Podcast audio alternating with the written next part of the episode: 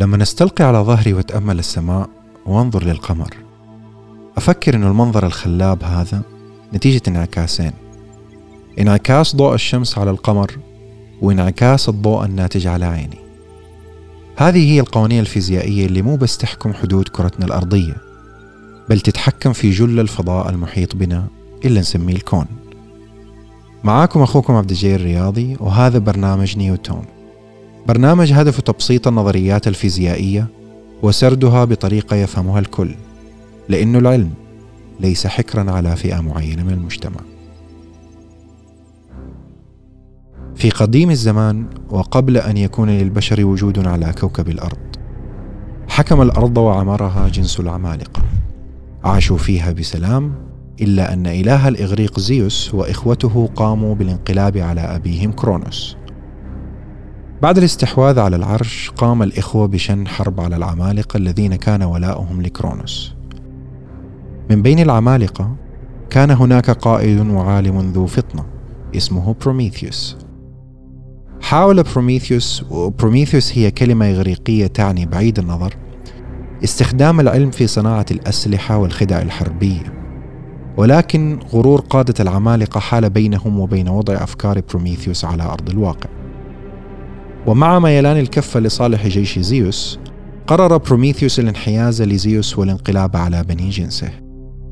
فاز زيوس بفضل بروميثيوس في الحرب فوثق ببروميثيوس وقربه منه.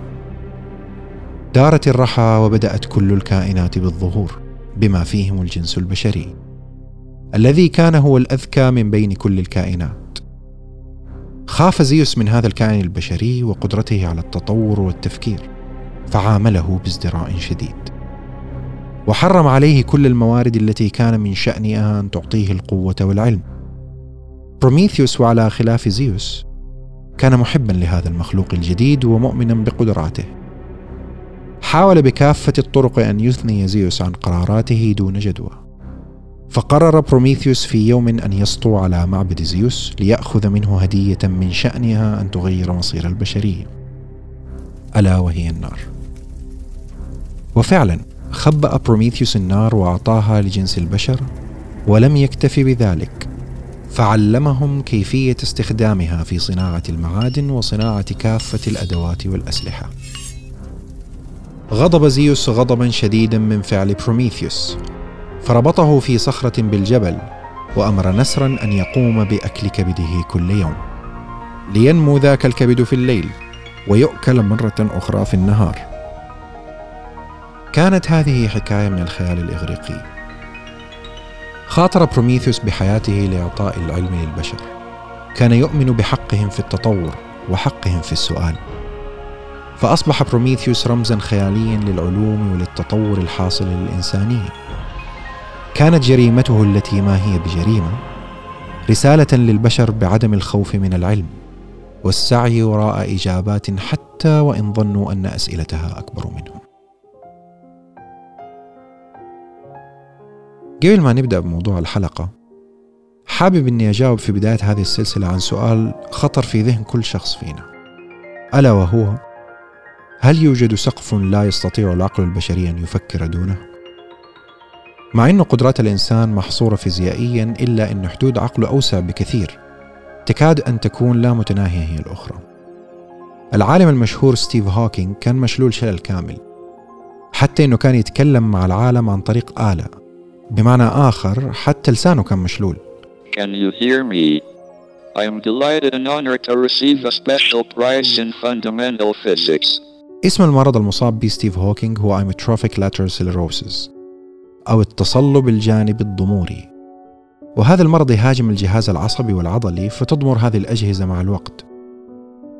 ومع هذا أبحاث ستيف هوكينج غيرت كثير في مسار الفيزياء ومعرفتنا بالكون. بل إن مؤلفات ستيف هوكينج أوصلت الفيزياء للشخص العادي الغير فيزيائي حتى.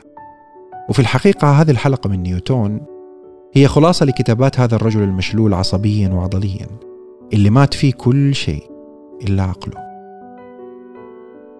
بدون الأجهزة اللي سمحت للعلم إنه يوصل لأفكار ستيف كان احتمال إنه وضعنا علامة على هذا الرجل مختصرها إنه غير قادر على الإعطاء وإنه ينتظر الموت أفضل له ولكن عشان ما وضعنا للتكنولوجيا سقف قدرنا نوصل لعقل ستيف اللي بدوره ما وضع للعلم الفيزيائي سقف We are all different. However bad life may seem, there is always something you can do and succeed at. While there is life, there is hope. طيب كيف بدأ كل شيء؟ سؤال لسنا أول من سأله وتفكر فيه فالحضارات والديانات باختلاف توجهاتها حاولت إنها تجاوب على هذا السؤال بل حتى الفلاسفة واللادينيين اتدخلوا في الموضوع وحاولوا إنهم يضعوا النظريات والفرضيات لنقطة البداية حتى إنه في سفر التكوين في الديانة المسيحية حددت بداية الوقت من أكتوبر عام 2004 قبل الميلاد في الساعة السادسة مساء. عجيب. كانت الفكرة لدى الفلاسفة الإغريق إنه الكون موجود منذ الأبد. كان الدافع ببساطة أنه شيء دائم هو أعظم وأفضل بكثير من شيء تم صنعه. والسبب في رأيهم لتغير الكائنات وتطورها هي الأسباب الطبيعية زي الفيضانات والزلازل والبراكين اللي كانت تقضي على وجود سلالات معينة لتسمح لسلالات أخرى بالنمو والتطور. نظريات يشكر عليها. في الجهة المعاكسة من الطاولة كان هناك من قالوا أن للكون بداية. وكان الدافع الأكبر لهذا التصور هو إثبات الكيان الإلهي المحرك للكون وهنا كانت البذرة الفيزيائية الأولى.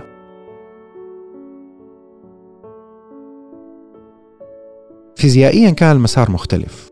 وضع علم الفيزياء كل المسلمات خلف ظهره وبدأ بتحليل النظريات الفيزيائية الكونية وإثباتها باستخدام العلوم المحتمة كالعلوم الرياضية والهندسية وغيرها.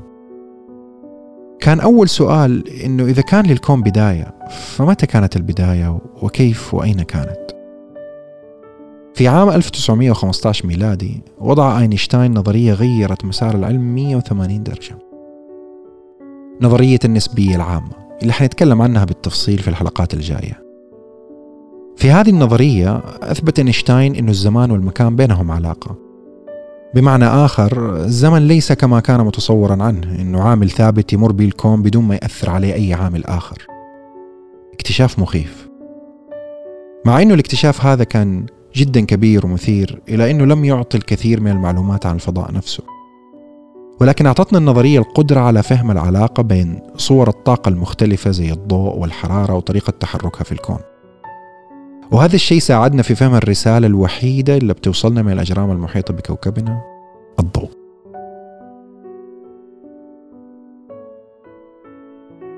عشان نقدر نفهم الكون لازم نطلق العنان لمخيلاتنا. عشان كذا حطلب منكم طلب مشروط. غمضوا عيونكم وتخيلوا معاي الكلام التالي. بس الشرط إنه ما يكون إغماض العيون في ضرر عليكم. يعني اللي بيسوق سيارته مثلا لا يغمض عيونه ويكتفي بخياله لا يجيب لنا مصيبة. المهم ما هو حجم الكون؟ لو استطعنا إننا نعرف حجم الكون الحالي وشكله العام قد يعطينا تصور عن بدايته. بمعنى آخر حاضر الأشياء لا بد أن توجد به دلائل عن ماضيها. فهل حجم الكون لا متناهي أو احتمال إنه ينتهي بجدار فاصل مثلا؟ تلسكوب هابل الفضائي وصلنا لنقاط ما كنا نوصل لها قبل كذا. تخيلوا معاي إنكم بتطالعوا عبر هذا التلسكوب. اللي حتشوفوه بلايين وبلايين المجرات البيضاوية زي مجرتنا اللي إحنا جزء بسيط منها. تحجب مجرتنا مجال الرؤية في بعض الاتجاهات ولكن اللي بنشوفه إنه أعداد المجرات لا نهائية. وتوزيعها على الكون هو توزيع متوازن ودقيق جدا. يعني لو أنت بتطالع وفي مجرتين على اليمين فحيكون في مجرتين في الشمال بمواقع معادلة ومتوازنة. فبالتالي بناء على اللي إحنا بنشوفه حنقدر نقول إنه الكون بيمتد ويمتد ويمتد ولا يتوقف. ولهذا السبب تم استبعاد فكرة إنه الكون ينتهي بجدار صلب. مع إننا لا نتوقع أن ينتهي الكون بجدار فاصل لكن لا يوجد ما يثبت نفي هذا الاحتمال.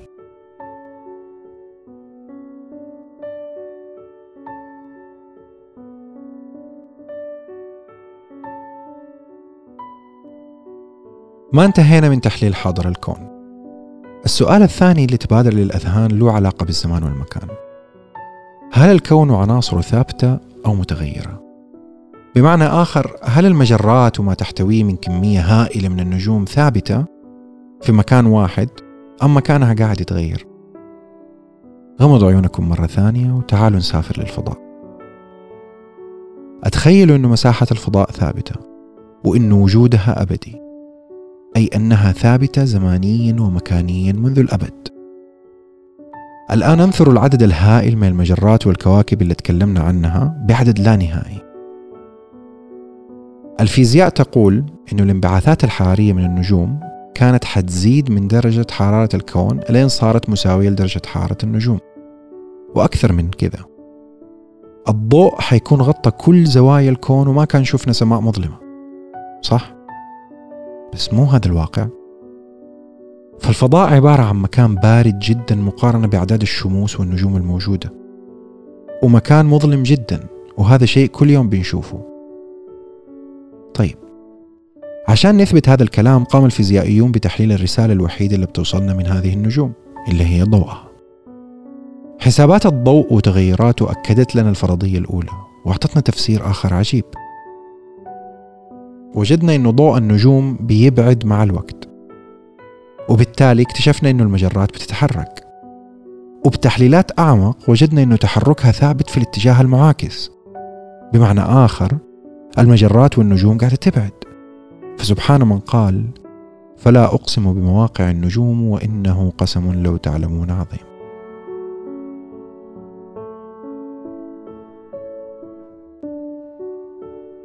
كان الاكتشاف اللي حصل في القرن العشرين إنه المجرات والنجوم بتبتعد عننا. اكتشاف مثير غير الفيزياء بشكل غير مسبوق. ولد هذا الاكتشاف الفرضية الأولى اللي من شأنها إنها تكشف بداية الكون. اللي هي بداية كل شيء. طيب. أرجعوا تخيلوا معايا. إذا كانت الأجرام السماوية بتبعد فأكيد إنها في يوم كانت أقرب وأقرب وأقرب لدرجة إنها تكون نقطة واحدة. أو ما يسمى بالسنجولاريتي بالمعدل اللي بتبتعد فيه الأجرام عن بعضها استطعنا أن نعرف متى كانت نقطة البداية. وبحسبة عكسية بسيطة قدرنا نعرف أنه كانت بداية الكون قبل ما يقارب 15 مليار سنة. معلومة مرعبة سميت علميا بالانفجار الكبير. في علم المنطق الغير متحيز يجب أن يكون لكل سبب متسبب. عشان كذا حاول الكثير من علماء الفيزياء تحدي هذا الاكتشاف. لأنه كان يضع للكون بداية وبالتالي يقتضي أن يكون هناك مسبب لهذه البداية. وبالتالي سيذهب عقل الإنسان للخالق كمسبب وهذا شيء ما كانوا حابينه تماما علماء الفيزياء. حاولوا دون جدوى وكان في أكثر من نظرية وفرضية تختلف مع الانفجار الكبير لكن كل ما اكتشف شيء جديد كان يصب في مصلحة الانفجار الكبير ويوفر دلائل أكبر تدعم هذه النظرية. رفعت الأقلام وجفت الصحف.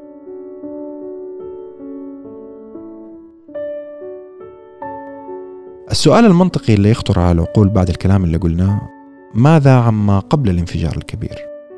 صح؟ لا تخافوا إنكم تسألوا هذه الأسئلة الكبيرة.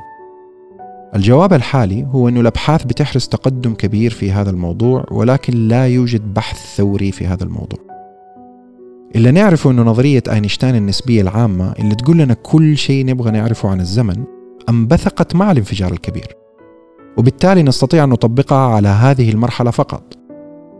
قبل الانفجار الكبير ما عندنا أي معلومات ولا أي قوانين فيزيائية نقدر نطبقها على هذه الحقبة. في الحقيقة إحنا نشوف إنه حتى الزمن وجد بعد الانفجار الكبير.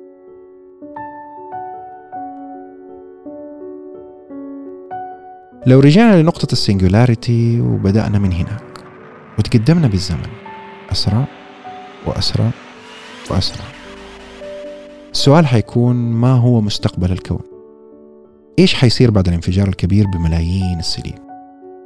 سؤال ما خافت الفيزياء أنها تتعمق فيه. غمضوا عيونكم معايا وتخيلوا. الكون مكان كبير جدا وما زال بيتمدد. لكن النظرية النسبية تقول إنه الأجرام السماوية لها جاذبية وإنه كثافة الكون بتقل. إيش يعني هذا الكلام؟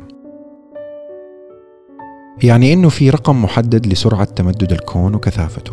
لو نزلت الكثافة تحت هذا الرقم حتبدأ المجرات الأكبر بالتهام الأصغر منها وتبدأ الفقاعة المتمددة بالانكماش إلى أنها ترجع لنقطة البداية نقطة السنجولاريتي مستقبل مرعب. تسمى هذه النظرية على نهج خلفها الانفجار الكبير بنظرية الاحتطام الكبير. المبشر في الموضوع أنه لسه قدامنا حوالي 20 بليون سنة لما تبدأ الاحتطام الكبير. تقدر تاكل وتشرب بكميات كثيرة أتوقع قبل ما تنتهي ال 20 بليون سنة. في هذه الحلقة من نيوتون حاولت أني أجاوبكم على سؤال كيف بدأ كل شيء. وأعطيكم لمحة سريعة عن كيف سينتهي كل شيء. تكلمنا عن البداية اللي كانت في نقطة شديدة الكثافة وشديدة الحرارة ثم عن الانفجار الكبير والتوسع. وختمنا بلمحة بسيطة عن المستقبل. أتمنى أنه يكون هذا الطرح نال على إعجابكم. لا تنسوا تشاركوا الحلقة وتعطونا آراءكم في الكومنتات وعلى وسائل التواصل الاجتماعي لأني متشوق جدا أني أسمع. دمتم بود ولا تنسوا العلم ليس حكرا على فئة معينة من المجتمع.